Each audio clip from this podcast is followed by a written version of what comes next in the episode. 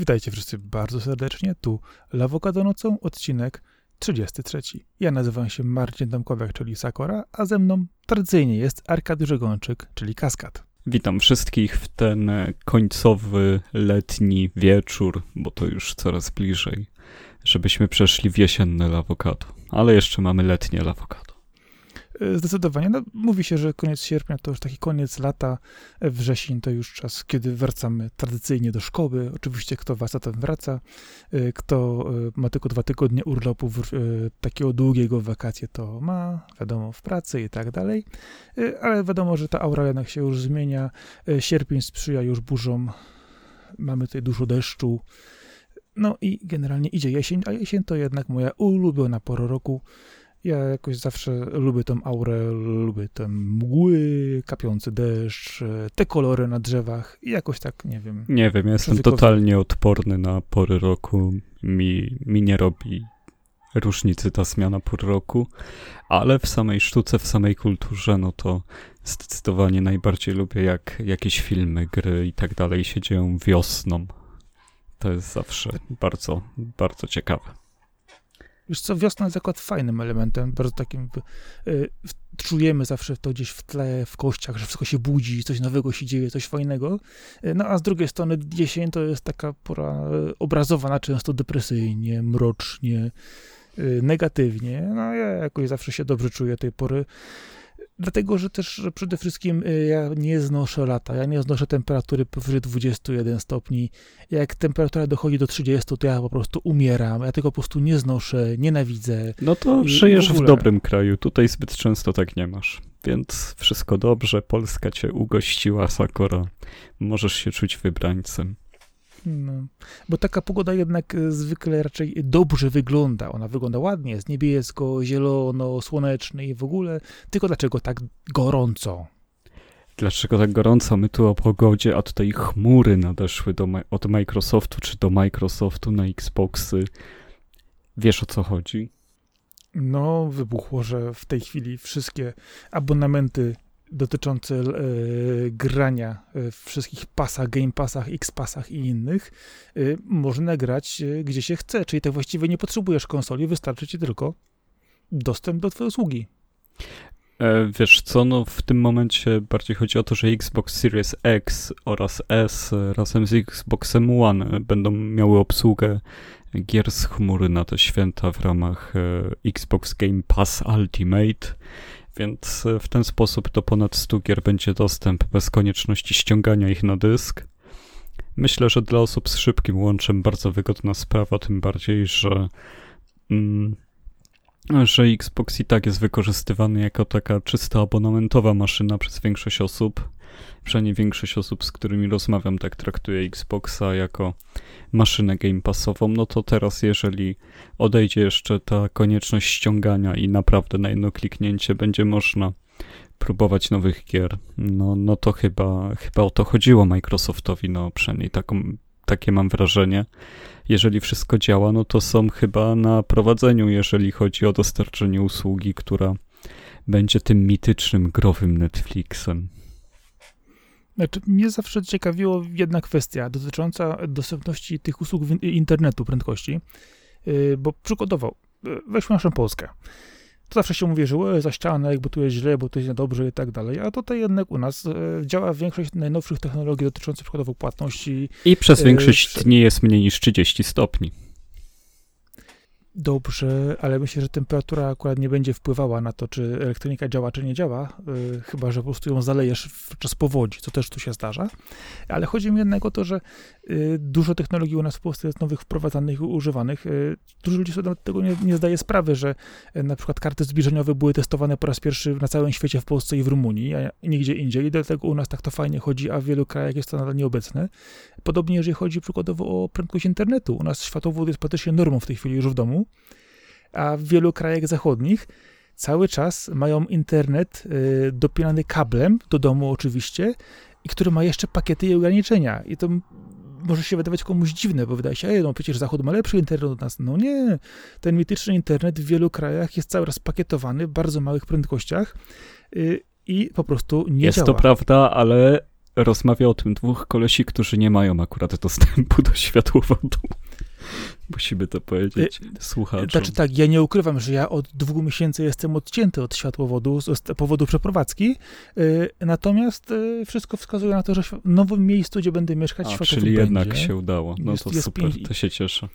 E, jest, jest, e, znaczy jest, jest pięć działek ode mnie, właśnie e, skonfliktowałem ze sobą dwóch, dwóch prowajderów i podpuściłem ich na siebie. A, myślałem, że będziesz robił podkop po prostu.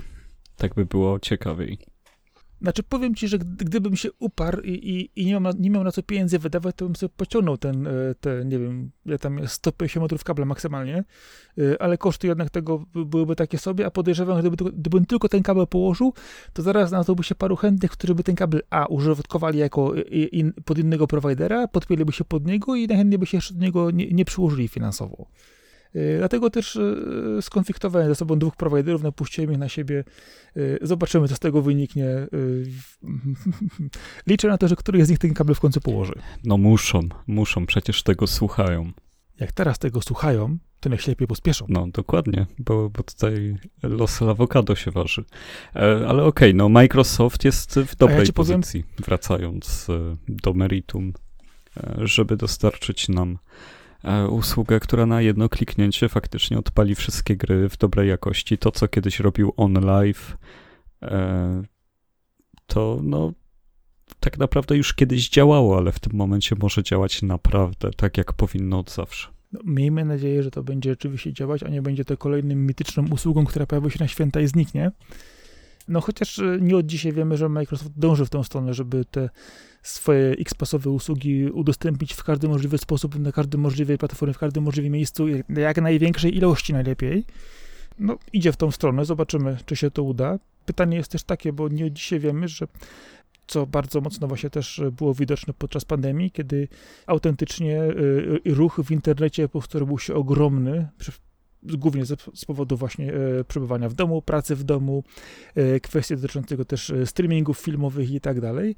I zastanawiamy jedno, czy rzeczywiście, jeżeli ta usługa się tak upowszechni, że będzie praktycznie obecna wszędzie, w każdy możliwy sposób, w cenie po prostu paczki chipsów dziennie, że każdy sobie na nią pozwoli, nawet zakładając, że ktoś będzie mieć dobre, szybkie łącze, to czy ta infrastruktura, która istnieje, rzeczywiście nie będzie y, po prostu nakręcającej wydajności, co już obserwowaliśmy kilkakrotnie podczas ostatniego roku.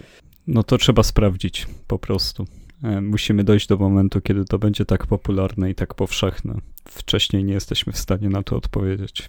No, miejmy nadzieję, że jakoś y, rozwój szerokopasmowych sieci pójdzie w, do, w tą stronę i będzie jednak szybciej rozbudowywany, bo ja podczas moich rozmów z prowajderami w międzyczasie e, dowiedziałem się na przykład, jak to u nas w kraju są projektowane sieci i że tak naprawdę jest jedna firma, która się tym zajmuje, dosyć duża, a dostać się do niej i zlokalizować ją to jest w ogóle e, szukanie po prostu, no, w, nie wiem, lampy Aladyna w nie wiadomo jakim miejscu. To znaczy, że jest to bardzo duża firma, która zarabia bardzo duże pieniądze skoro nie możesz się z nikim skontaktować, to jest najlepsze świadectwo sukcesu. Tak, oczywiście w odróżnieniu od małych firm, które nie istnieją, to akurat ta yy, dowiedziałem się od kilku miejsc, stron właśnie, że rzeczywiście jak to wygląda, od strony planowania sieci, rozbudowy sieci, planów przykładowo na najbliższe dziesięciolecie albo na drugą dekadę i tak dalej. I to rzeczywiście jest, ma ręce i nogi, ale e, zawsze jest tak, że od strony użytkownika końcowego wszystko jest za wolno, e, nie z tej strony i tak dalej. No, ja liczę na to, że ta tempo jednak rozwoju sieci szerokopasmowej w Polsce, które w tej chwili obserwujemy od kilku lat, utrzyma się, no i że tak naprawdę problem prędkości internetu tak naprawdę za jakiś czas po prostu u nas w Polsce zniknie, po prostu będzie kwestią marginalną. Niech się nie będzie przyjmować tym, że Y, ma łącze szybkie lub wolne, po prostu wszyscy będą mieć to łącze na światłowodzie. No i y, nawet kwestie małej miejscowości, które czasami się wydaje, że są zupełnie y, wyjęte poza tym. Oczywiście wiadomo, mamy tam często, często stare kable telekomunikacyjne miedziane, to ta infrastruktura jest sukcesywnie wszędzie wymiana, więc myślę, że w kwestii kilku lat, no może dekady, to tak naprawdę ten problem powinien po prostu u nas zupełnie zniknąć, więc akurat jeżeli chodzi o element samej infrastruktury, to liczę na to, że rzeczywiście będzie ona wszechobecna, A jeżeli chodzi o naszych zachodnich sąsiadów, którzy no, są dale, daleko w lesie, jeżeli chodzi o tego typu rozwiązania, no to mam nadzieję, że nie będą musieli e, wykupywać za grube tysiące euro na miesiąc e, łączy firmowych, które oczywiście do firmy bardzo chętnie pod, ale do domu już niekoniecznie. Więc no, patrząc na to, że jesteśmy, jak to się mówi, wschodzącym rynkiem, bardzo rozwojowym, że testowano u nas wiele usług, i mimo obiegowej opinii, jakie to jesteśmy generalnie kombinatorzy i szukamy tylko tych tanich, tanich X-pasów za 4 zł na miesiąc, no zobaczymy, jak się to rozwinie. No, zobaczymy też, jak sobie poradzi ostatnia wioska, która oparła się cesarstwu rzymskiemu. E, ponieważ e, nie wiem, czy wszyscy wiedzą, nie wiem, e, czy ty już sobie odnotowałeś, ale na koniec listopada wychodzi, chodzona bijatyka z Asterixem i Obelixem, więc data została potwierdzona, nic tylko zaznaczać w kalendarzu, no i czekać, bo bardzo ładnie dwuwymiarowo narysowana, przypominająca klasyczną animację co tu więcej chcieć? No, no dokładnie chyba na taką grę o, o Asterixie i Obelixie czekaliśmy. Powiedz mi, powiedz mi, kto to robi? E, to jest Mr. Nut Studio. Czyli nie robi tego Microids. Dobrze. To jest już jak, jak, jakaś szansa, e, bo ja akurat, jeżeli chodzi o poprzednie odsłony, które były też znane, czyli Asterix Obelix XXL. Znaczy się Microids też robi, no. Razem z nimi. Tak, tak, dlatego właśnie o to chodzi, że obawiam się troszkę tego, bo y, mieliśmy dobrą drogę, w którą poszła odsłona druga, czyli XXL2, Mission Las Vegum, y, które było bardzo fajną biatyką chodzoną w trójwymiarze. I, I trójka została, już była bardzo mówiąc słaba. No. delikatnie, no. bardzo popsuta bardzo popsuta właśnie trójką XXL3, czyli The Crystal Menhir, e, gdzie ja autentycznie graficznie wyglądało to ślicznie, było bardzo ładnie rozwinięte, natomiast jeżeli chodzi o mechaniki gry, które tam zastosowano, to był autentycznie nie krok w tył, ale tak chyba trzy kroki w tył przynajmniej i cała po prostu radocha z rozgrywki, która była w poprzedniej odsłonie, po prostu zupełnie zniknęła na pewne dziwne, wymuszone me mechanizmy i przekombinowania pewnych elementów. Nie ukrywam, że skończyłem też tą trzecią odsłonę. E, Powiem ale... ci w tajemnicy, że mam wersję limitowaną XXL2. A to ja wiem, ja wiem, ja wiem, że masz mm. z bajerkami wszystkimi. No ja wiem, bo się chwaliłeś kiedyś. To już. mała tajemnica, widzę. Jaka mała tajemnica? Siedzieliśmy, siedzieliśmy razem e, z Kazem Pawłem i mówiłeś, że masz. Dobrze, dobrze. A Kaz powiedział chyba, że też zamówił. Nie, kupiliśmy na PGA sobie kiedyś. Jaka tajemnica, jaka Jeszcze tajemnica. były wyprzedawane na Giermaszu. Ale nie, wiem, że były i są bardzo ładne, bardzo śliczne. Ja się oczywiście zgapiłem, bo ja zawsze, zawsze się zgapiałem takie rzeczy. Podoba mi się to. Asterix Obelixa darzę po prostu wielką miłością. Yy, oczywiście większą chyba darzę Kajko i Kokosza, yy, ale to już, yy, też, czy doczekamy się z nimi dobrej gry, to zupełnie inna kwestia. Jeżeli chodzi o samą tą grę, czyli... Slap them all. beat them up, slap them all. No to mam nadzieję, że no, graficznie wygląda jeszcze ładniej niż poprzednia odsłona, czyli mówimy o XXL3. Zupełnie, zupełnie idziemy w tym momencie tutaj w inny styl, jeżeli chodzi o tego typu rozwiązanie. No, to, to, to, to 3D, które było, poszło sobie już gdzieś. Tu mamy ewidentnie po prostu staroszkolne łażenie lewo-prawo. No miejmy nadzieję, że ta gra będzie rzeczywiście dobrze, dobra, a nie skończy się po prostu jakąś taką dziwną katastrofą, jaką było XXL3. Yy, widać na filmiku, że jest dużo fajnych ciosów, dużo przeciwników, yy, sporo fajnych rozwiązań. Yy, wydaje mi się, że po tym jak XXL3 The Crystal Mantle się nie do końca sprzedało, oni poszli trochę bezpieczniejszą drogą, obcięli trochę budżet i zaczęli tworzyć grę właśnie taką bardziej płaską w odróżnieniu od trójwymiarowej, gdzie rzeczywiście nakłady na PC są trochę inne. E, no i mam nadzieję, że ta gra po prostu im się jakoś fantastycznie uda, e, będzie po prostu zarąbiastą rozrywką, e, bardzo miłym, uprzejmym klepaniem Rzymian i wyklepywaniem ich z naszej wioski, więc ja na to liczę. Zobaczymy, czy się uda. Bo to jednak, no kurczę, blade, McCroids, no McCroids ma albo gry świetne, albo gry, gry, do kitu, no i tutaj nie ma, nie ma środka. No akurat z tym, że przejście w dwuwymiar oszczędziło jakieś e, koszta, no to ra, trudno stwierdzić, bo trójwymiarowe gry właśnie są zwykle tańsze. To też zależy od poziomu detalu, więc tutaj trudno rozstrzygnąć, ale ogólnie ja się cieszę, że powracają tego typu dwuwymiarowe bijatyki, no przecież Streets of Rage 4 niedawno wyszło świetnie, wrócił znikąd Scott Pilgrim, dostał reedycję.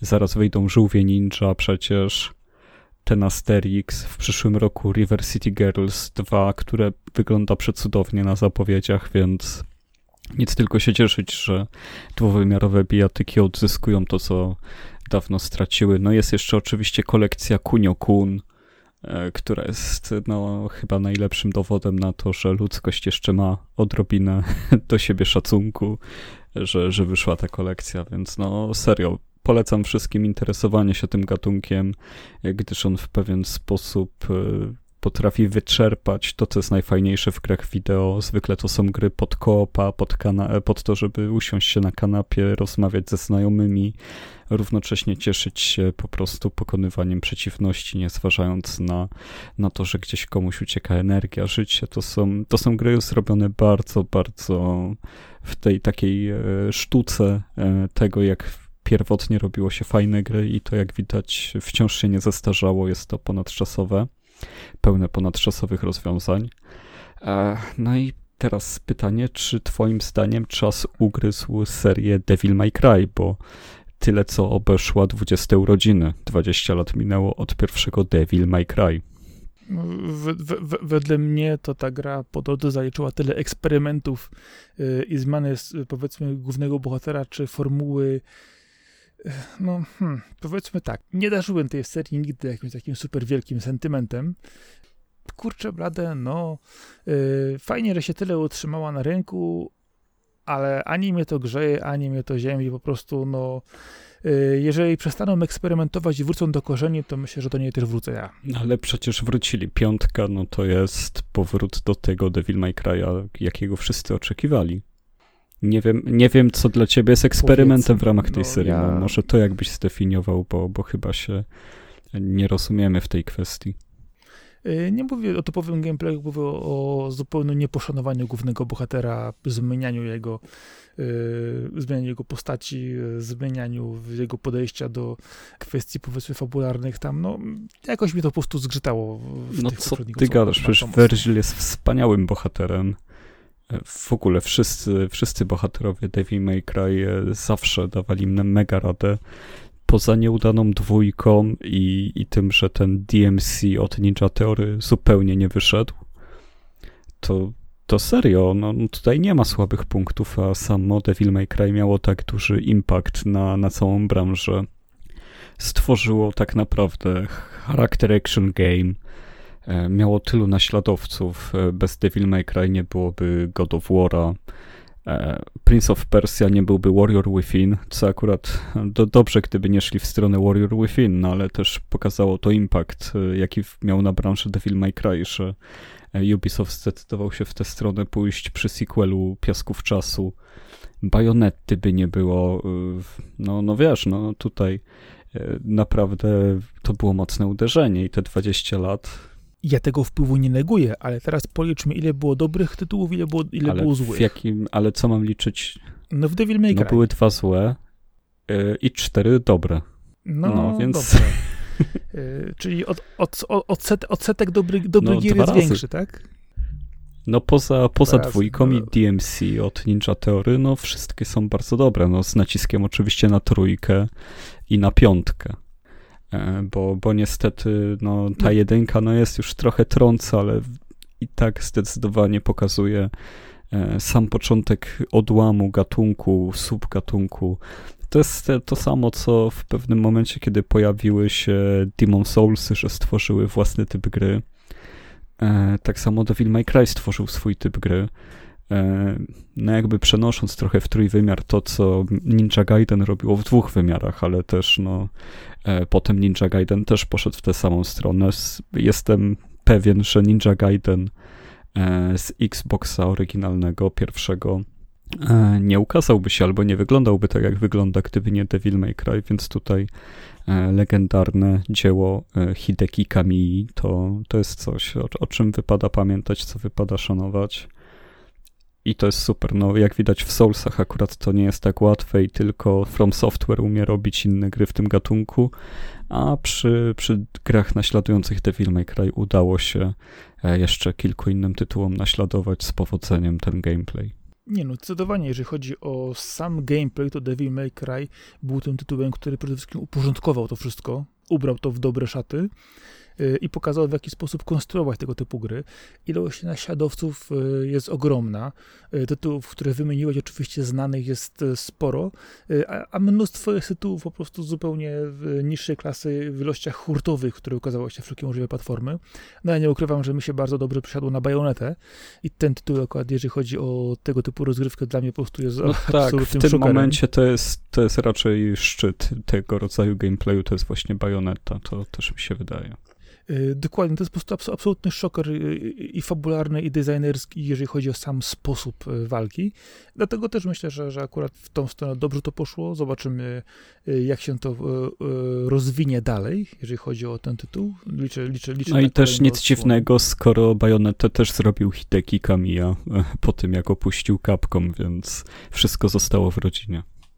Zdecydowanie, ale myślę, że właśnie to pokazuje, że z jednej strony mamy osoby, które, twórców, którzy dobrze czują ten tytuł, którzy potrafią je po prostu stworzyć kolejne, nie, nie tylko odsłony, ale po prostu kolejne tytuły, które operują na tej samej mechanice.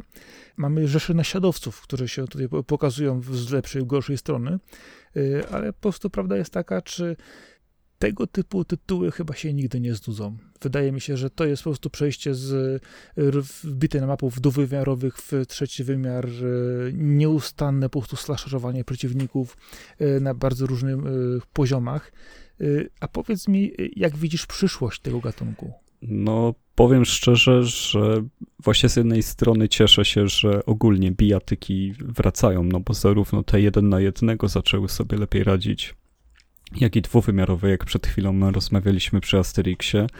No tak z tego gatunku slashera, charakter action game w stylu Devil May Cry, no zostało coraz mniej. Na Bayonetę 3 wciąż czekamy, nie możemy się doczekać. E, God of War zmienił e, gatunek w międzyczasie. E, no, Prince of Persia zaginął. Ninja Gaiden zaginął, więc szczerze mówiąc chciałbym, żeby był powrót tego gatunku, ale widać, że cały czas leży na barkach Dantego. Tutaj, tutaj trudno chyba o, o kolejną wysokobudżetową produkcję w tym stylu. E, niewiele studiów, które są w stanie zaryzykować, ale też spróbować, no bo kiedy Visceral robiło Dante's Inferno, to byli bardzo blisko, żeby, żeby naprawdę wejść na wysoką półkę. Zrobili bardzo udaną grę e, i jestem praktycznie pewny, że gdyby mieli szansę zrobić jeszcze z dwie czy części, to, to by naprawdę weszli na bardzo wysoki poziom. No ale losy Visceral e, wszyscy znamy. Sequele Dead Space'a i zamknięte studio i, i tyle ich widzieli. No, jeżeli chodzi o Dead Space'a, to jest nieodżałowana kwestia, natomiast jeżeli mówimy o Dante's Inferno, to wydaje mi się, że e, tutaj jednak e, dla wielu odbiorców myślę, że akcenty w tej grze były trochę zbyt mocno położone na e, różnego typu symbolikę, a jak wiemy, gracze są bardzo delikatni, bardzo przewrażliwieni na tego Ale powiem kwestie. ci szczerze, mimo iż to była zachodnia, zepsuta gra, no to byłem bardzo pod dużym wrażeniem piekła, jakie stworzyli. Jedno na pewno z lepszych piekieł, jakie widziałem w grach wideo do dzisiaj. Jak najbardziej, ja się z tym zgadzam. Tylko chodzi o to, że du dużo osób ma, e, powiedzmy, dosyć bardzo przewrażliwione podejście do kwestii różnego typu obrazowania chrześcijańskich, jeżeli się nie, nie są one zgodne z tym, co mu się mówi powszechnie. Dlatego też często właśnie wydaje mi się, że sporo tytułów, czy to właśnie gier, filmów, książek, które dotykają tego tematu, powodują, że ludzie czują się z tym niewygodnie i nie lubią tego tytułów. No i nie ukrywam, że wydaje mi się, że tutaj można się tego dopatrywać. Ale chciałem zapytać cię jeszcze coś innego. A myślisz, że mogliby zrobić nowego Shinobi? Wiesz co, nie mam pomysłu, kto by miał go zrobić. Kto ma tą licencję teraz? To jest Segi? No właśnie. Czekaj. Wiesz, to w tej chwili to już nawet, nawet nie powiem, kto ostatni tytuł chyba Sega, tak, Sega to Sega wydawał. Yy, bo autentycznie zacząłem po prostu szukać, myśleć, jakie gry jeszcze pasują, pasują w tym formacie, które możemy po prostu rozwinąć, puścić dalej, yy, dać kolejną odsłonę, yy, zupełnie odświeżoną. Tak Za bardzo nie, nie wiem, co jeszcze poza e, Devil May Cry, Bayonetą tutaj jeszcze możemy powiedzieć. E, no wiesz co, no myślę, że każda gra, która miała wojownika, myślę, że nawet Conan mógłby być ukazany jako slasher tego typu, a nie jako typowy beat'em up. E, wiem, że często granica między tymi dwoma gatunkami się zaciera, dla, zwłaszcza jeżeli się o tym mówi do osób, które nigdy nie poznały prawdziwego slashera, takiego właśnie jak Devil May Cry, ale no to może, żeby zobrazować słuchaczom, którzy nie wiedzą, to jest tak, jakby się grało w bijatykę trójwymiarową postacią, która ma sterowanie jak bijatyka jeden na jeden.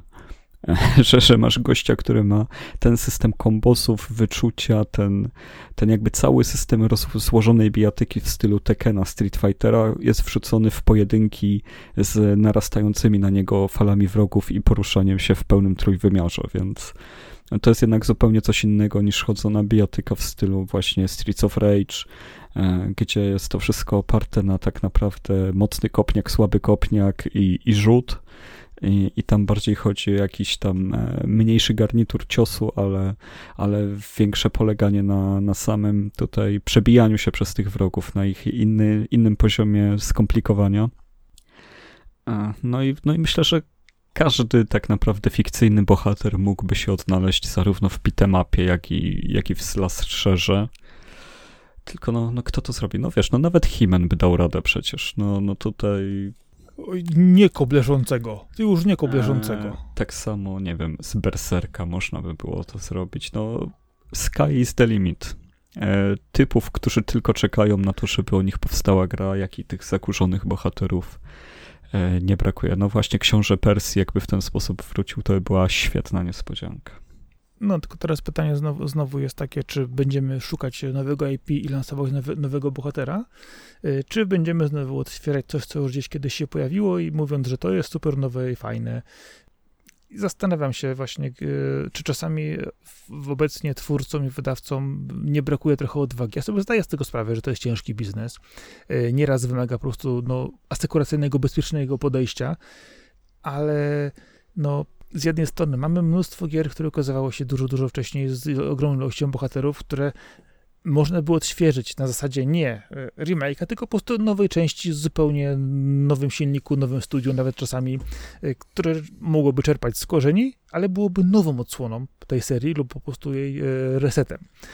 A z drugiej strony właśnie mamy mnóstwo bohaterów, no ogromne po prostu ilości bohaterów literackich, książkowych, komiksowych, które naprawdę mogliby sprać tyłki w różnym osobom. No i pytanie jest teraz takie, czy jest to kwestia licencji, czy jest to po prostu e, kwestia e, powiedziałbym czasami nawet mody na pewnych bohaterów, czy pewne wydawnictwa, czy Nie no, trudno e, zrobić taką grę po prostu. No, gry, gry oparte na kombacie, takim ręka w rękę są zdecydowanie trudniejsze niż na przykład strzelaniny do zrobienia. Po prostu to jest trudniejsze.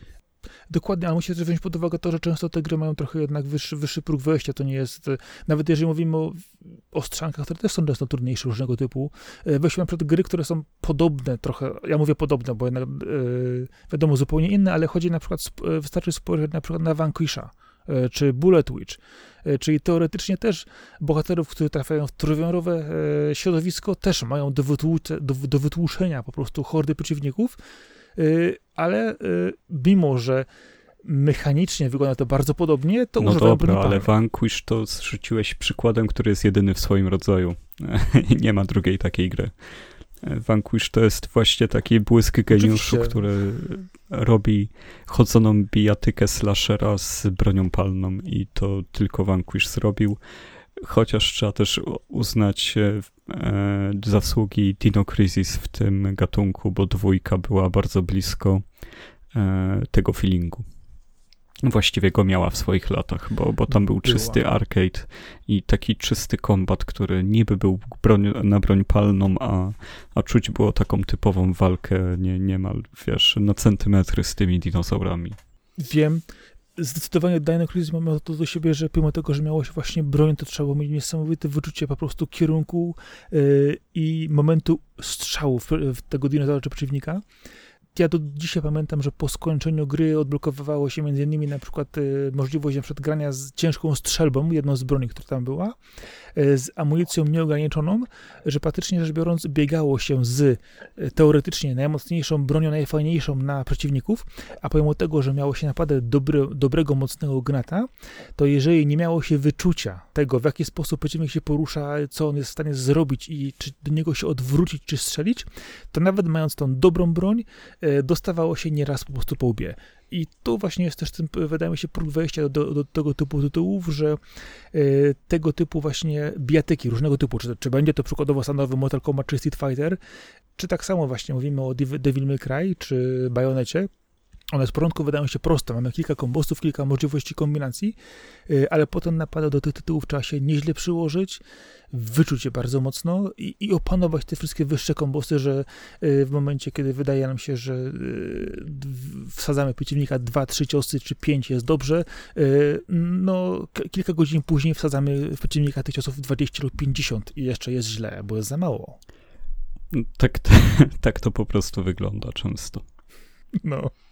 Ale no też e, jeszcze ten e, Dino Crisis miał to do siebie, dwójka, że e, można go było też przejść w dwie godziny potem z, tym, z tą super bronią. Jak już byłeś wprawiony, to się biegało po tym Dino Crisis jak po swoim podwórku. To było świetne. A jeszcze a jeszcze pamiętaj o tym, że na końcu po skończeniu gry odblokowało się areny do walki jeden na jednego. Czego tam nie było. To, to był naprawdę no, dobry, ojej, dobry Capcom. Mnóstwo rzeczy. To był. Zresztą dobry Capcom po czasie wrócił, więc, więc też już e, nie, nie, ma co przypominać tych e, chudych lat Cap Capcomu i im wypominać. Ja, ale ja nieustannie mówię, że z tego typu gier po prostu Dino Crisis 2 to jest po prostu mój ulubiony e, po prostu tytuł, jeżeli chodzi o właśnie bieganie, strzelanie, slasherowanie, no jeszcze do tego oczywiście dinozaury, no kurczę, no, kto nie no, lubi Jak to się stało, że wyszła trójka gdzieś na stacji kosmicznej i potem, i potem słuch zaginął o tej serii. No ale warto wierzyć, że jeszcze kiedyś wróci. No ja na to bardzo liczę od dawna. No wiesz o tym, już też mówiliśmy o tym na nagraniach. Czy jest coś jeszcze, w co warto nam wierzyć? W dobroć ludzką, jeżeli ludzie nie są dupkami? Nie, no w to nie wierzymy. A nie, sorry, to, sorry, sorry, to nie ten podcast, nie ten podcast. Wróć, wróć, wróć. To nie ten podcast. E, co? Myślisz, że Sony się nawróci? No, Sony ogłosiło, że e, zaczęło inwestować we współpracę z japońskimi deweloperami. Że mają swoje wewnętrzne studio, które zajmuje się tym, żeby nie tyle być jako studio Sony, tylko nawiązywać umowy i współpracę z deweloperami z Japonii, tak żeby tworzyli gry na PlayStation, czyli w ramach zamknięcia Sony Japan Studio mają teraz ekipę, która powinna w teorii załatwiać umowy z From Software, z Kojima Productions e, i z innymi firmami, które mają już mocno wyrobione ścieżki w robieniu gier na PlayStation Myślę, że w obliczu ostatnich newsów nie jest to zła wiadomość. Fajnie, że ktoś się tam ogarnął, że chyba za dużo tam wycięli w tej Japonii, przenosząc się do Kalifornii, że, że jednak PlayStation potrzebuje tych gier. No tylko, czy coś z tego wyjdzie? No to myślę, że, że naprawdę trudno w tym momencie przekonać duże studio do tego, żeby zrobiło grę na wyłączność. No, no przecież to już widzimy od lat, że praktycznie nie powstają takie gry. E, każdy chce przynajmniej mieć konsolę i PC ogarniętą. E, dostawcy sprzętu nie wykupują tego. No Sony ma jeszcze te swoje studia, Nintendo oczywiście też ma swoje studia, ale Microsoft no ze względu na zarabianie na PC i na Xboxie, ale przede wszystkim na usłudze już w ogóle nie zwraca na to uwagi, więc no nie wiem, czy czasy ekskluzywów się nie kończą po prostu patrząc na, na Sony, wydaje mi się, że oni się najpierw trochę, trochę zagalopowali, a później spojrzeli do tyłu, że coś im się urwało. E, tak to dla mnie wygląda, jeżeli chodzi o odcięcie przede wszystkim tej japońskiej e, gałęzi. No, Sony od zawsze stało grami japońskimi, które naprawdę no, sprzedawały tę konsolę i tworzyły po prostu jej markę przez wiele, wiele lat. E, no powiedzmy sobie w ten sposób, no tam gdzie poszła kasa, tam, ta, ta, tam poszedł, poszedł rozwój, e, a no jak widać nie sprawdza się to e, do końca. Pytanie, ile też będą chcieli japońscy twórcy za te tytuły odpowiedniej kwoty dostać od Sony, I czy rzeczywiście to, co wspomniałeś, wyłączność jest tutaj jakimś mo możliwością. Sony, kiedy, gdyby miało więcej studiów swoich i rzeczywiście wydawałoby dobre jakościowo gry, mogłoby walczyć tymi ekskluzywami, które kiedyś rzeczywiście były na tej platformie bardziej obecne. W tej chwili wydaje się, że może być ewentualnie jakiś ekskluzyw czasowy dostępny, ale tak naprawdę pomijając gry single player, które ukazują się, wiadomo, w różny sposób w różnych miejscach, to większość tytułów jest, cały, jest coraz bardziej multiplatformowa. Jeżeli Sony się troszkę nie, nie upamięta i rzeczywiście nie spojrzy na to w ten sposób, że gracze chcą grać razem, a nie tylko prowadzić, jak to było nie od dzisiaj święte wojenki konsolowe, Y, no to wydaje mi się, że nawet jeżeli mają fajny sprzęt, który się nie sprzedaje, e, a z drugiej strony niby zalewa rynek i znika od razu, y, kurczę, no powinni się zastanowić, co oni właściwie chcą na, tym, na tej konsoli sprzedawać.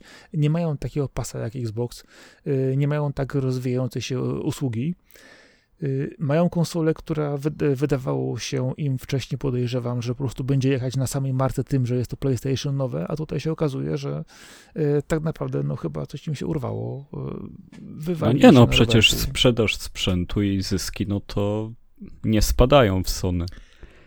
Dobrze, tylko że pytanie jest, jak długo się jeszcze to, jeszcze to potoczy, kiedy tak naprawdę okazuje się, że Y, konkurencja ma lepsze usługi, lepsze gry i ma tego więcej.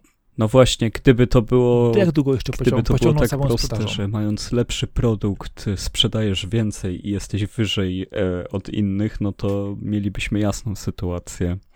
Ale to zupełnie tak nie wygląda, zwłaszcza w branży gier. E, to najlepsze gry najlepiej się nie sprzedają, przecież o tym wiemy.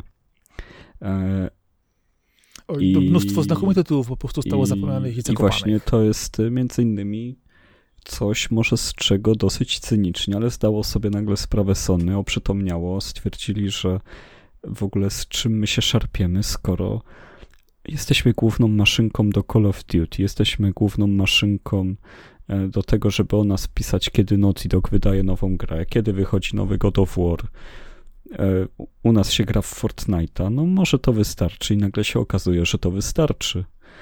I nie dość, że ucięli koszty, to jeszcze zyski nie zmalały, więc, e, więc myślę, że tutaj naprawdę e, bardzo cyniczna tabelka poszła i tak wyszło, chociaż uważam też, że zdecydowanie zamiast płacić studiom i, i kombinować z umowami za ekskluzywy, to myślę, że różnica cenowa w utrzymaniu tych studiów, które zamknęli, żeby robiło im nowe gry, jest y, naprawdę nieduża i to na tyle nieduża, że, że jeszcze będzie im się odbijał ten ruch. No ale to trochę czasu zajmie, zanim zacznie im się odbijać.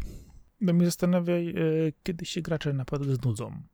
No wiesz, ja nie ukrywam, że ja gram od wielu, wielu lat, ty też. E, widzieliśmy już nie, nie jedną generację, nie jedną grę. Y, czasami rzeczywiście chwytamy się za głowę, y, patrząc, jakie tytuły się sprzedają, jakie są popularne, y, ale też ma to związek z tym, że gry jednak się bardzo powszechniły i nie są już nie są takim niszowym hobby ze skin, jak to było z 20 czy 30 lat temu. Ale zastanawiam się zawsze jedno, jak długo można karmić graczy ciągle tym samym. No, limitu jeszcze nie ma. To jest tak samo jak z pytaniem, ile, ile będzie kosztował mm. iPhone, którego w końcu ludzie nie kupią. Apple ciągle podwyższa cenę i ciągle wyprzedaje wszystko dnia pierwszego, więc cały czas jest badana ta granica tolerancji, zarówno w przypadku Apple'a, jak i Sony.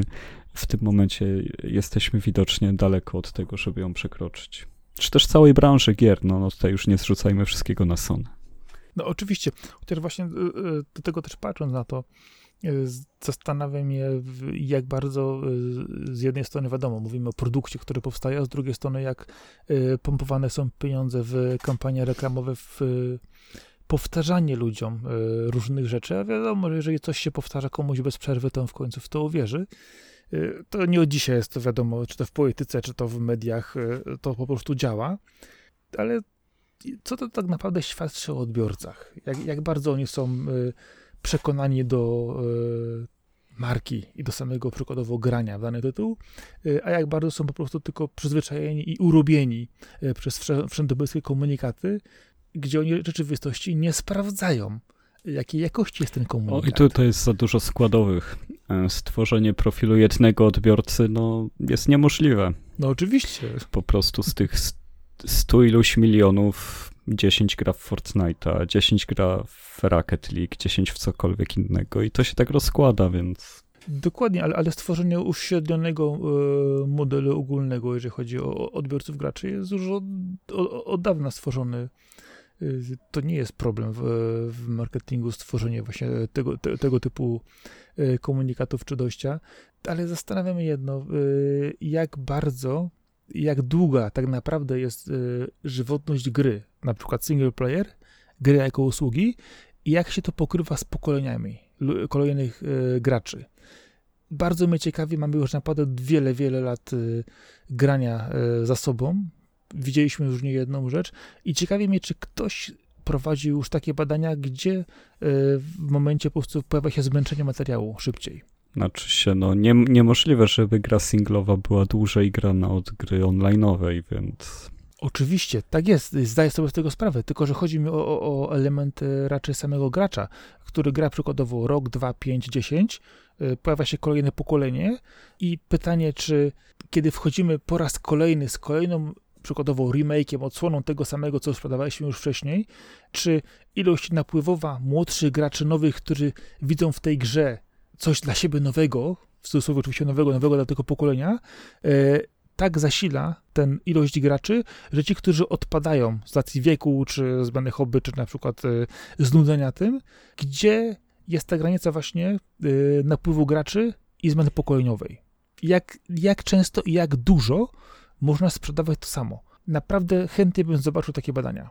Też podejrzewam właśnie, że oni je mają i dlatego tak dobrze to się sprzedaje. E, no wiesz, skoro Disney w to idzie, to znaczy, że to działa, bo, bo już remake'ują wszystko, co mieli, skoro nawet coś tak złego jak ich Król Lew e, CGI e, zarobił chore pieniądze, mimo iż oryginalny Król Lew nie stracił ani grama ze swojej magii przez te lata, i nie stał się ani przez moment brzydkim, brzydką animacją, albo nieładną, albo średnią nawet, e, no to no jak widać remake'i się sprzedają, zresztą sequele tak samo. Sequel ma zwykle większe grono odbiorców niż część pierwsza. Zwykle tak jest. A, przynajmniej ten pierwszy bezpośredni, więc e, no, no, no tak już działa rynek.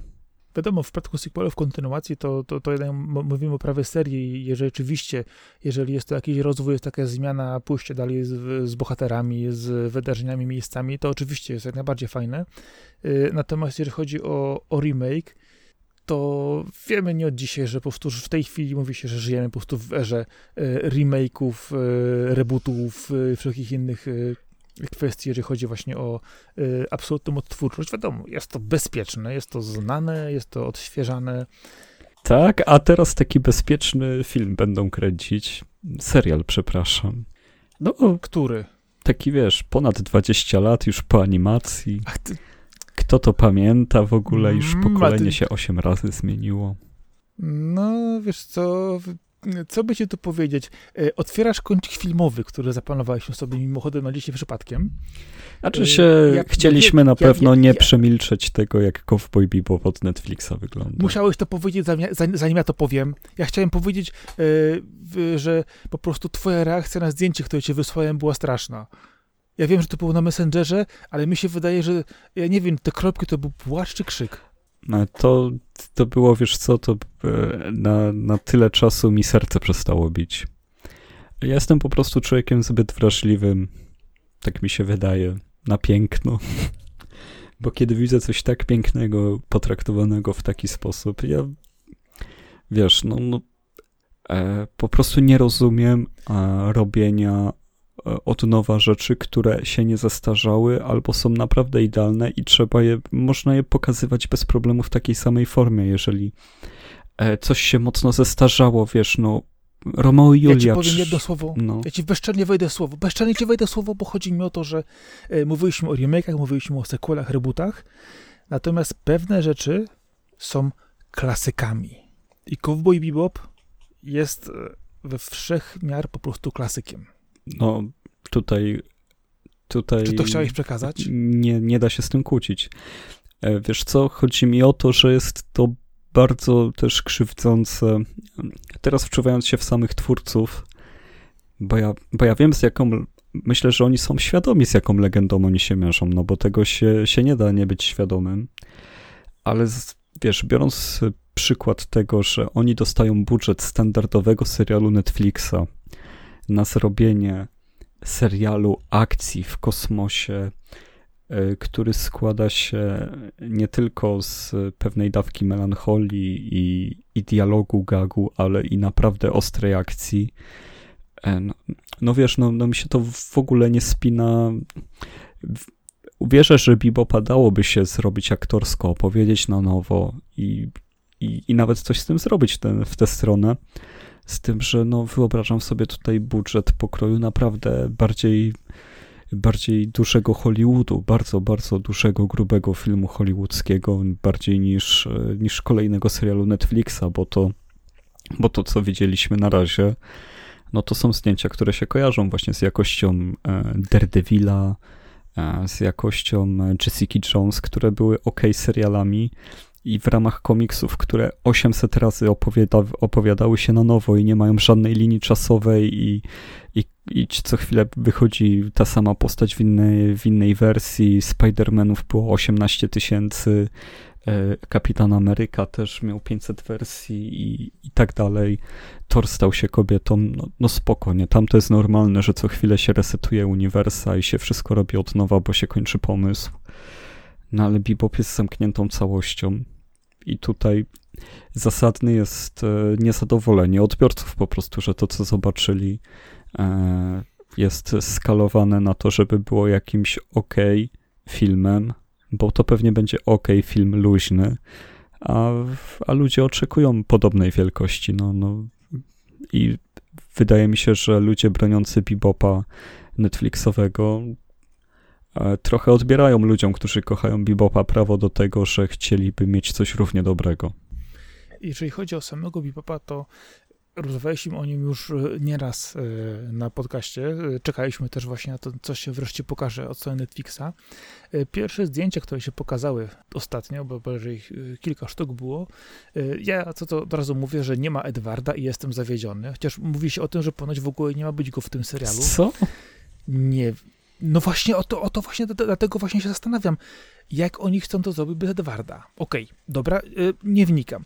Y, z drugiej strony obawiam się, że Edward został tak drastycznie przerobiony względem oryginału, że y, stał się po prostu ofiarą poprawności politycznej i wszędopolskiej mody i Netflixa, który musi robić to wszystko pod publiczkę bardzo mocno, więc zobaczymy, mogę się mylić.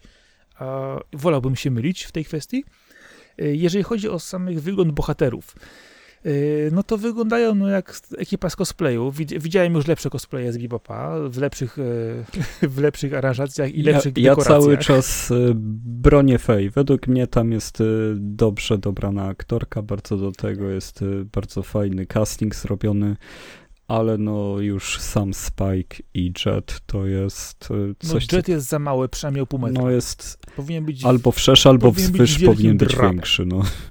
Ale zdecydowanie wszerz, no. no. brakuje tam kilogramów, e, nie jest potężnym, wielkim, starym dziadem, jakim powinien być. Dokładnie. A jeżeli chodzi o, o, o Spike'a, no to fryzurę ma za mało zwiększoną. To nie, nie dopada mi, wydaje mi się, że powinien być bardziej żelasty i troszkę inaczej wyglądać. No dobra, Ain się zgadza, nie jest, nie jest CGI-em. Nie, no wiesz, Spike, no czy ta fryzura miałaby być bardziej czy mniej, to, to wiesz co, to, to już mnie nawet nie, nie interesuje, czy on też miałby ten garnitur lepszy czy gorszy, bo nie pasuje mi ten garnitur, no to, to są szczegóły. E, bardziej mi chodzi, że faktycznie, że no niby jest zdjęcie tego aktora, jak on ćwiczy na statku, ale no no i widzisz, to jest to starcie ze swoimi wyobrażeniami. No Spike jest w pewien sposób e, e, pastiszem Bruce'a Lee. A, I tutaj w ogóle się nie czuję tego nawiązania do Bruce'a Lee w, w tym, co widać, no ale też oceniamy zdjęcia. No to myślę, że powinniśmy zakończyć na tym, że jesteśmy w tym momencie niezadowoleni i, i bardziej się skupić nad tym, co, co będzie na, na faktyczny moment premiery, bo wyobrażamy sobie już pewne problemy chyba na zapas. Chociaż one się zdarzą, one, bo one się muszą zdarzyć, ale dajmy chociaż sz cień szansy na, na to, żeby ten serial zawalczył. Netflix nauczył nas już nie raz, że potrafi naprawdę zepsuć doskonałe rzeczy, zrobić to w zupełnie inny sposób, mieć inną wizję. Y, no i naprawdę czasami to bardzo boli. Y, ja, no, no cóż, premiera tego jest 19 listopada y, tego roku. Zobaczymy, jak się to potoczy. Czekamy przede wszystkim... Sześć dni przed Asterixem i Obelixem. Hmm. Ja czekam przede wszystkim na to, żeby pokazali trailer, w którym wszystko będzie się ruszać, gadać, śpiewać i latać. Y, I wtedy zobaczymy przynajmniej, jak się to prezentuje rzeczywiście od strony y, wykonania, jeżeli chodzi o efekty, o ruch, o, o sposób, y, powiedzmy, reżyserii. Bo w tej chwili, wiadomo, pokazali parę zdjęć z cosplayu. Okej, okay, dobrze, a teraz pokażcie nam, jak się to rusza i jak się to będzie ruszać. Sam statek wygląda dziwnie, nie? No niby to jest to, te ujęcia z kanapy są ok, ale no... Yy, mam wrażenie, że to jest taka tania, pomalowana tektura a nie stal. Przynajmniej e, dobrą wiadomością jest to, że Yoko Kano robi soundtrack. To wiadomo na szczęście już nie od dzisiaj. Zobaczymy, czy Seatbelts też się do tego, do tego, do tego wtoczą w całości i będzie to dobrze brzmiało. Yy, no, sama w sobie ścieżka dźwiękowa z bebopa to jest legenda. Nowi ludzie usłyszą The Real Folk Blues, co jest akurat, będzie pewnie główną zaletą całej, całej akcji. No, miejmy nadzieję, że y, nie skończy to jak y, Ghost in the Shell, bo to byłoby straszne. Ale jeszcze jeżeli chodzi o same adaptacje, przykładowo y, anime i, i mangi, jak to wygląda. To ja tylko nawrócę, że naprawdę powtórzę, najbardziej mnie boli to, że to jest robione budżetem standardowego serialu Netflixa. Bebop no, nie jest rzeczą nie na ten budżet. Tego właśnie nie wiem, czy tam jest budżet standardowy, tego się nie doczytałem, czy może coś tam sypnęli kasą, czy nie. E, chodzi mi o to, że e, anime e, i przeniesienie ich do wersji aktorskich zwykle mają dwie wersje. Albo mają wersję która jest y, zrobiona świetnie scenariuszowo, dobrze zagrana emocjonalnie, ale z zerowym budżetem i to po prostu w ogóle nie wygląda, nie da się tego oglądać, y, albo ma budżet rozdmuchany od granic możliwości, y, wygląda fenomenalnie, ale kompletnie nie trzyma się tego, o co w tym chodziło. I chciałbym kiedyś naprawdę zobaczyć adaptację mangi czy anime, która będzie pośrodku, z dobrym budżetem, dobrym scenariuszem. W przypadku tego Bebopa, oczywiście wszyscy mamy duże wyobrażenia, ogromne po prostu kredyt zaufania albo braku zaufania do tego, co z tego, e, co z tego wyjdzie. No przede wszystkim no, żyjemy tymi marzeniami, nadziejami historii, którą już poznaliśmy, którą przeżyliśmy, która jest niezwykle emocjonalna, e, niesamowicie skonstruowana. No i po prostu boimy się, żeby tego nie zepsuli, a no, podświadomie czuję się, że to jednak będzie zepsute. No, chciałbym się bylić. E, e, e, znaczy się, wiesz co, no chyba Your Name ma, ma taką dobrą wersję filmową. To, to anime, ten film, w którym się chłopak i dziewczyna zamieniają ciałami. To ma wersję aktorską? Tam, z tego co kojarzę, to tak. To jest pierwsze, co mi się skojarzyło. Bo Your Name, jak najbardziej mam, mam, mam nawet na płytce, to wersję normalnie omawianą mam. Czy jest aktorska, to musiałbym zobaczyć, bo nie wiem. Powiem ci, a, a propos na przykład wersji aktorskich, to jakiś czas temu właśnie w, omawiałem, mówiłem, pisałem też o After the Rain, czyli po deszczu, e, tej mandze, która u nas w Polsce też wyszła i anime, który oglądałem. To też przykładowo mam wersję aktorską, też spin-off serialowy dotyczący tam części bohaterów i no też zepsuli, no. No, więc no, nie wiem, co się dzieje, jeżeli chodzi o te adaptacje właśnie y, mangi czy anime, które no... Ryunin Kenshin miał fajne filmy, to mogę akurat potwierdzić. Ej, okej, okay, spoko, dobra, e... dobra, tak. Y, no, w sumie są chyba cztery na Netflixie. I teraz, tak, I teraz tak sobie właśnie siedzę i się zastanawiam, co by jeszcze to mogło być. Ale już chyba nic. No, Full Metal Alchemist tylko wyglądał momentami dobrze, Blame no niekoniecznie. Death Note porażka. O Jezu, to już w ogóle kompletnie. Y, Ghost in the Shell wyglądał zarąbiaście, ale scenariuszowo był do luftu. No, nic więcej mi do głowy nie przychodzi. A Ghost in the Shell też miał dobry casting. Yy, tak, mówię, że dobrze wygląda, dobrze wyglądał, bo wyglądał świetnie, ale no scenariuszowo niestety kulał, kulał bardzo, bardzo uproszczony, wycięty, pocięty, przemieniony. A, no przecież wiesz co, no są filmy Initial D. Z tym, że one są w klimacie Initial D, ale są, no naprawdę są e, bardzo spoko. A, no i tak myślę, chłopaki z XX wieku mają adaptację, ale jej jeszcze nie Mają widziałem, adaptację- więc tutaj O, to adaptacja już, już ma, ma już swoje e, lata. nie powiem, bo czekam Tylko na, wyszło dwa albo trzy przynajmniej. czekam na koniec komiksu. A to już chyba wyszło na początku, z dwa lat temu wyszło. Ja pamiętam, bo widziałem kiedyś e, z- gdzieś jedną czy drugą zajawkę tego, ale to było dawno temu, naprawdę. No, bo to był w swoim czasie premiery już w Japonii duży przebój, no ale ja teraz jestem na bieżąco z polskim wydawnictwem, a chyba od czterech miesięcy już nie było kolejnego tomu, oczywiście jak to w Polsce i tak sobie siedzę i czekam. No, ja się doczekałem jeszcze jednej rzeczy. To ty wreszcie obejrzałeś do końca Ewangeliona? Nie, nie, nie, nie, ale ja już płaczę na samą myśl, ale ja ci to mówię poważnie. E, ja, ja słucham One Last Kiss i ja już mam ciary, ja się boję już myśleć o tym, co będzie na zakończenie Ewangeliona, jak ja to udźwignę, bo przyznam się szczerze, że no, znaczy się w kontekście, gdyby ktoś nie wiedział, to niedawno pojawiła się ostatnia, ostatnie filmowe zakończenie e, Neon Genesis Evangelion, czyli sprawa epokowa. Jeżeli ktoś sobie myśli, że mówimy to na wyrost, no to nie, nie zdawać sobie sprawy z tego, jak ważnym dziełem dla popkultury jest Ewangelion i jak dużą sprawą jest wszystko, co się dzieje dookoła. To jest, y, no, no, no nie wiem, to jest chyba szczyt tutaj e, no, no jakiegoś tam nawet nie wiem, jak, jak ten poziom ignorancji nazwać, no, no bo to jest, to jest już przekroczenie wszelkich granic. Okej, to weźmy, weźmy wersję skróconą. Mieliśmy serial y, animowany plus dodatkowy End of Evangelion, zakończenie, po czym mieliśmy filmy zbiorcze, które zbierały te historie, opowiadały je trochę inaczej, no i cały rebuild Evangelion, czyli ten czteroczęściowy, czteroczęściowy, czterofilmowy no, event, który ciągnie się od ładnych kilkunastu lat już, y, został zakończony i powiem ci, że obejrzałem te cztery filmy dwa dni. Po prostu zaraz się, jak się ukazały, mówię, o, koniec urlopu, fajnie, oglądam. Nie no, nic mi nie mów, ja na to naprawdę czekam, ale ja to nie, bardzo y, powoli Nie, nie, robię. wiem, dobra. Y, Pogadamy sobie o tym spokojnie. Chcę ci tylko powiedzieć ogólnie, że później, jak już obejrzałem, czytałem różne głosy. I pozytywne, i negatywne.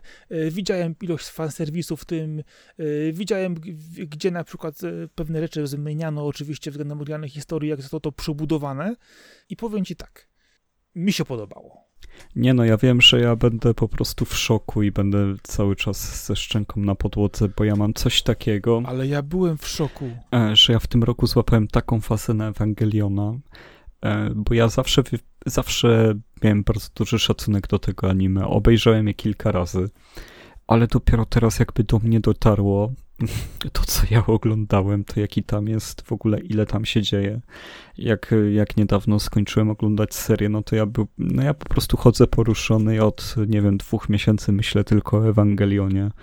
E, To, to, jest, to jest naprawdę, no, no to jest tak szokujące, co się udało tam osiągnąć. Ja ci powiem na przykład taką y, kwestię, jeszcze mamy tą nową postać wprowadzoną, czyli Mary, Maki, Mary, Mary Makinami, y, wiesz, która, jeżeli y, oglądałeś zajawki różnego typu rzeczy, czy mówimy o kolejnym, Mhm. kolejnej y, pilocie kolejnego, no, dobra, nie będę mówić Ewy. co jak, ale uważam, że jest to, są ludzie, którzy mówią negatywnie o tej postaci, są ludzie, którzy mówią pozytywnie, a ja mówię po prostu, że świetnie ją wprowadzili, y, pozamiatali, uporządkowali, i ta postać jest dla mnie po prostu najlepszą postacią chyba w, w całym Ewangelionie, e, która po prostu zamiata, rozdaje karty i e, robi to w świetny sposób. Ja jestem zachwycony. No ja przeżywam tylko tą piosenkę Utady Hikaru, która teraz jest, krąży i po prostu czytam komentarze na YouTubie ludzi pod tym, jak wszyscy płaczą, że już Ewangelion się skończył, każdy wylewa swoje uczucia. No, no od samych tych komentarzy ja więcej ich czytam niż oglądam samego Ewangeliona. Odzew Powinieneś, powinieneś, jest niesamowity. powinieneś to zobaczyć. Zakończenie jest po prostu takie, że mówisz, o kurczę. Ja mam nadzieję... O kurczę.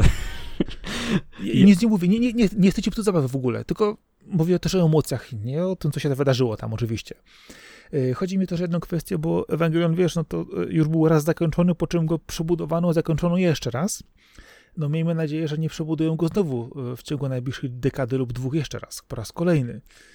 O, patrząc bo- na tempo prac pana Anno, to, to bym się to bym się No nie tak, bał. pierwsze, e, Pierwsze dwa filmy z, z Rebuilda ukazały się bardzo szybko, y, trzeci troszkę później, natomiast ten ostatni finalny czekałyśmy już bardzo długo.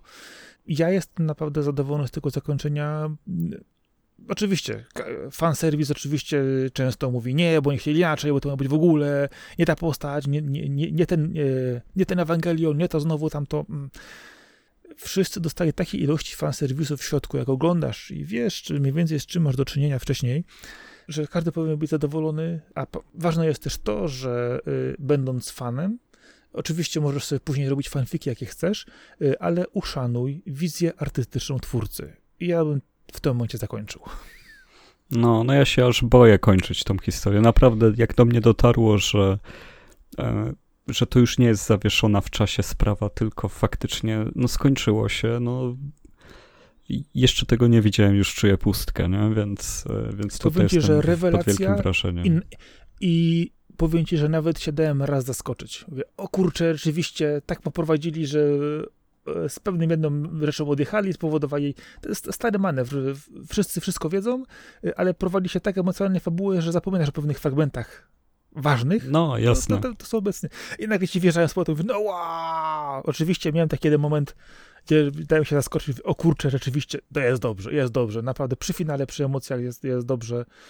Oczywiście po drodze tempo w ostatnim filmie troszkę spada momentami, ale ma to swoje powody. Yy, wymaga też uporządkowania emocjonalnego bohaterów, co w Ewangelionie jest bardzo ważne. Nie no, urodą Ewangeliona jest to, że potrafi nudzić przez pół godziny. Yy, no, to, yy, to jest jakby stała składowa. Ale powiem, znaczy w ogóle mangi, y, anime mają to do siebie, że często muszą wszystko przetrawić jeszcze raz, wytłumaczyć, rozwlec i tak dalej, y, ale powiem ci, że finał, finał po prostu gwarantuje ci takie emocje, u mnie naprawdę jeszcze tego poziom zadowolenia, że naprawdę obejrzyj, pogadamy sobie, wiesz co, nagrajmy sobie specjala, czyli wrócimy z Lawoka do podcast numer 19, Ewangelio.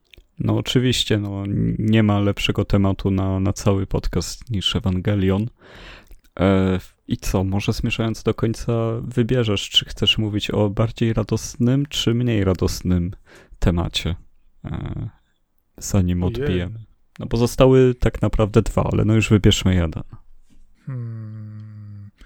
Wiesz co, jakby ci to powiedzieć, jeżeli rozgrzebiemy temat Himena, to, to nie skończymy szybko. No to nie rozgrzebujmy. E, w skrócie, Masters of the Universe, czyli no, animacja, która powstała na podstawie zabawek, dołączyła do serii, została gdzieś tam w końcu uporządkowana, e, po czym trafiła w ręce Netflixa, który zrobił dobrą historię, naprawdę fajną historię, dobrze opowiedzianą, ale kompletnie nie to, czego, czego spodziewali się osoby wychowane na Himenie. I e, to objawienie, czyli, które powstało, no było no, takim lekkim szokiem, bo tak naprawdę e, problemy, które były między Himenem a Szkieletem, rozwiązali w trzech scenach. Szybko, od razu, bezpośrednio. E, troszkę pozmieniali, trochę, troszkę po, po, więcej rzeczy. I jestem, no mówiąc delikatnie, zwątpiłem trochę, jak bardzo zrobili to po swojemu, y, jak odeszli od tego głównego y, samego nurtu, sposobu opowiadania historii. Sama w sobie opowieść jest głównie o jednej z bohaterek, która się pojawiała w Himenie od zawsze, czyli mówimy o Tilly. A Himena, Himena tam prawie nie ma. No ale to są władcy wszechświata, czyli Master of the Universe i od tak naprawdę historia jest o nich, a Himen jest jednym z bohaterów to się tam pojawia. Y, rozumiem rozgoryczenie wielu osób, którzy spodziewają się zupełnie innego podejścia do tematu. Sam jestem trochę też wkurzony, że poszli w tą stronę, bo to nie jest to, co się wszyscy spodziewali. I na osłodę mieliśmy dostać e, kolejny serial z Himenem, czym skierowany do młodszej widowni, e, robiony w CGI. Do jeszcze młodszej? E, to się da. Tak, e, tak. Jak ja zobaczyłem zajawkę tego, to po prostu schowałem po prostu twarz w dłoni i stwierdziłem, że to już gorzej być nie może. Oni już z tym Himenem nic dobrego nie zrobią. I nie lepiej już więcej nie robią, naprawdę. Wystarczy. Wystarczy. Yy, nadzieje były wielkie, yy, wiadomo, sentyment jeszcze też ogromny, natomiast wyszło jak wyszło. No, jeżeli chodzi o objawienie, to jest to dobra historia, ale to nie jest to, czym, o, o, co ludziom chodziło i czym to miało być, jak było to zapowiadane. Natomiast jeżeli chodzi o e, nowe nowego Humana, czyli Masters of the Universe, który będzie kierowany do zdecydowanie młodszej widowni, to to jest w ogóle jakaś porażka. E, czyli zapomnijcie o tym. Masakra. Jeżeli ktoś chce sobie po prostu wypalić oczy, może to obejrzeć. Nie polecam. No, powiem tak, no te wszystkie trójwymiarowe animacje dla dzieci, one mają podstawowy problem, że wszystkie wyglądają tak samo.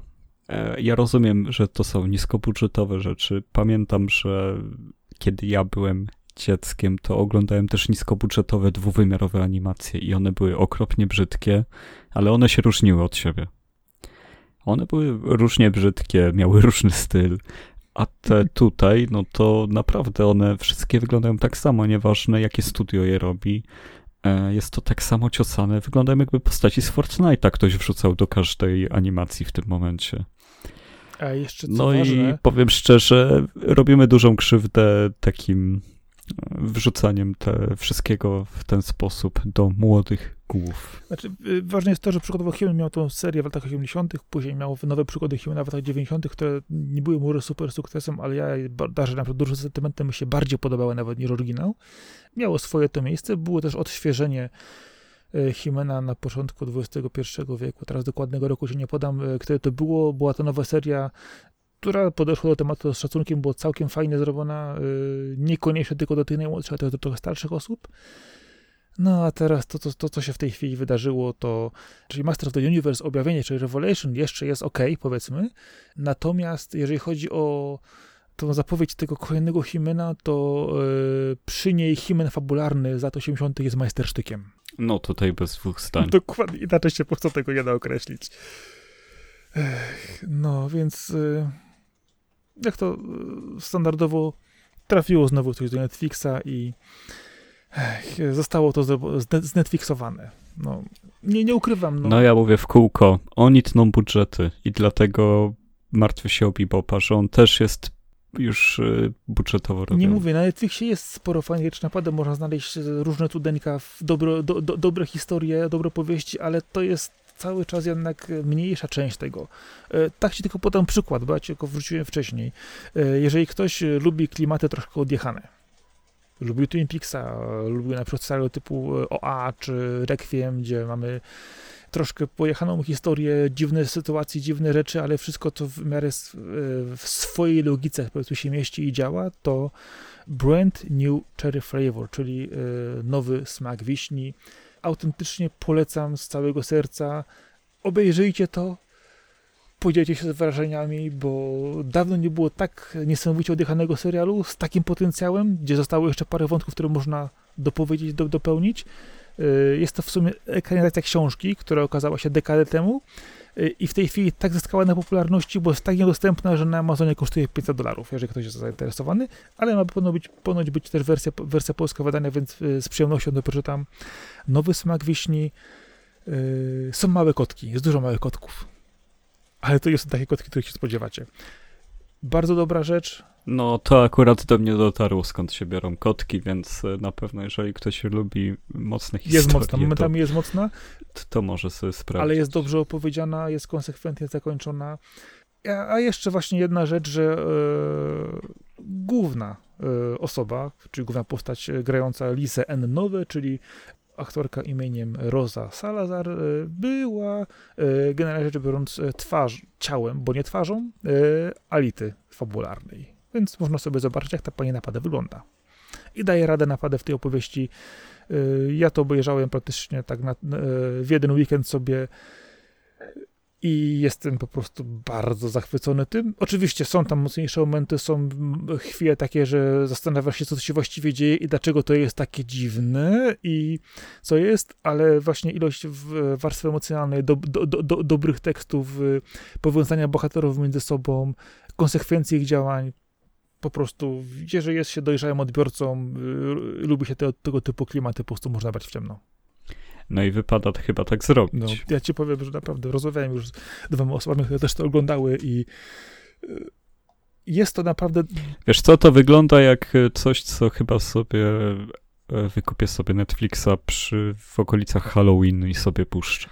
y, powiem ci, że war, warto to obejrzeć, bo jeżeli takie klimaty nie są ci obce, i lubisz opowieść, która jednak, wiesz, ma do zaoferowania coś więcej niż tylko e, proste emocje, e, czy pranie się po gębach, bądź też na przykład jakieś dramy emocjonalne, to tutaj masz to, masz to wszystko w zupełnie innym wydaniu i dawno, dawno nie było ta, takiego serialu, który dałby radę, jeżeli chodzi właśnie o takie trochę dziwne opowieści, żeby to dobrze zrobić.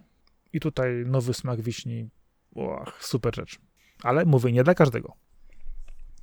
I tym soczystym poleceniem e, dobiliśmy do końca 33 odcinka Lawokado Nocą.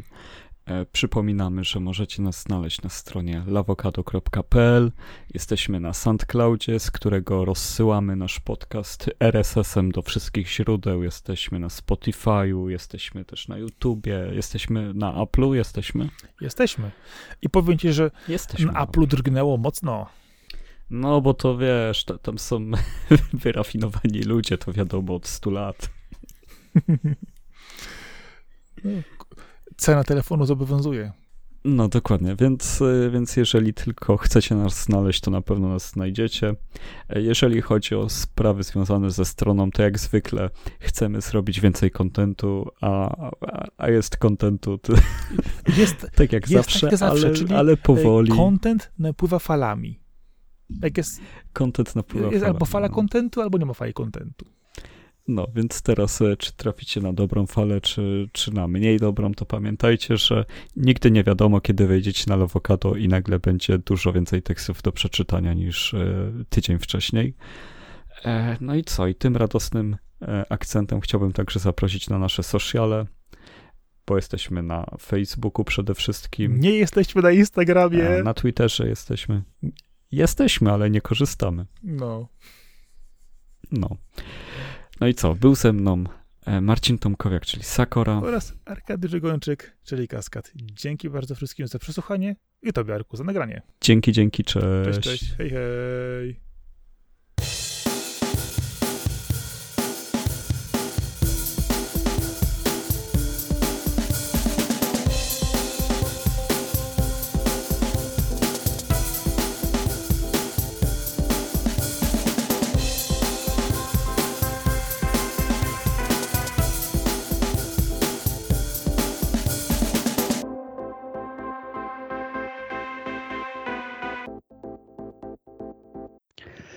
Saints Row pokazali. A, już nie będę oglądać.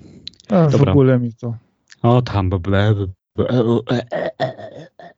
Dobra, lecimy, lecimy. No, no, no. Ojej, ojej, nie, no wiesz co, nie, nie, kop, nie kopię się leżącego. Już zrobili Ghost in the Shell w tym stylu i to już wystarczy. A wszyscy, którzy piją w zachwytach, jakie fajnie te Ghost in the Shell na Netflixie, chyba nie widzieli oryginału albo nie zrozumieli, o co chodzi. No, no, no. Tam Ghost in the Shell takie prawdziwe robi się dopiero w ostatnim odcinku. W ostatnich o... pięciu minutach robi się ciekawie. Mówisz, łe, ale fajnie i koniec. E? No, no, no. Ja teraz mam Vipapatę wreszcie w pudełkach, z czego jestem zadowolony i fajnie. E, też między innymi zależało mi na czasie, żeby go sobie obejrzeć, żeby się niejako zaszczepić na tego nowego. To, to się nie, nie ma takiej dawki, żeby się na to uodpornić. No, no, no. No, no przesunięcie było, no i nagle widzisz, wypłynęły zdjęcia, nie? Ale powiem ci, że jak, jak ja ci to wysłałem tym messengerem, to autentycznie po prostu czułem, czułem twoją reakcję po drugiej stronie, nie? Że ty mi się zaraz po prostu wysypiesz, albo będę musiał wzywać karetkę, bo jakiś, wiesz, zawału dostał, albo nie wiem, no. Nie no, całe szczęście, że jestem na endorfinach związanych z tym, że mam e, dłuższy parę tygodni uwielbienia dla Ewangeliona, nie? I, no. i to mi zabiera całe siły, bo... A jak zobaczysz, co się dzieje... No, nic nie mówię, dobra. Cio, Cii, nic nie mówię. Potem będzie powiedział, a co się dzieje z tamtym, tamtym, tamtym, tamtym. Albo tamtą, tamtą, tamtą, tamtą, albo tamtym, tym, tym, tym, tym, tam, tam. Nic nie, nic nie powiem. Wiadomo, że tam się po prostu dzieje cały czas. No, no, no. Wiesz, prawda jest taka, że za wszystko płacimy naszym czasem. Tak, taka jest prawda. Ale taka jest prawda. A no. najcięższe, co podnosimy, to nasze uczucia.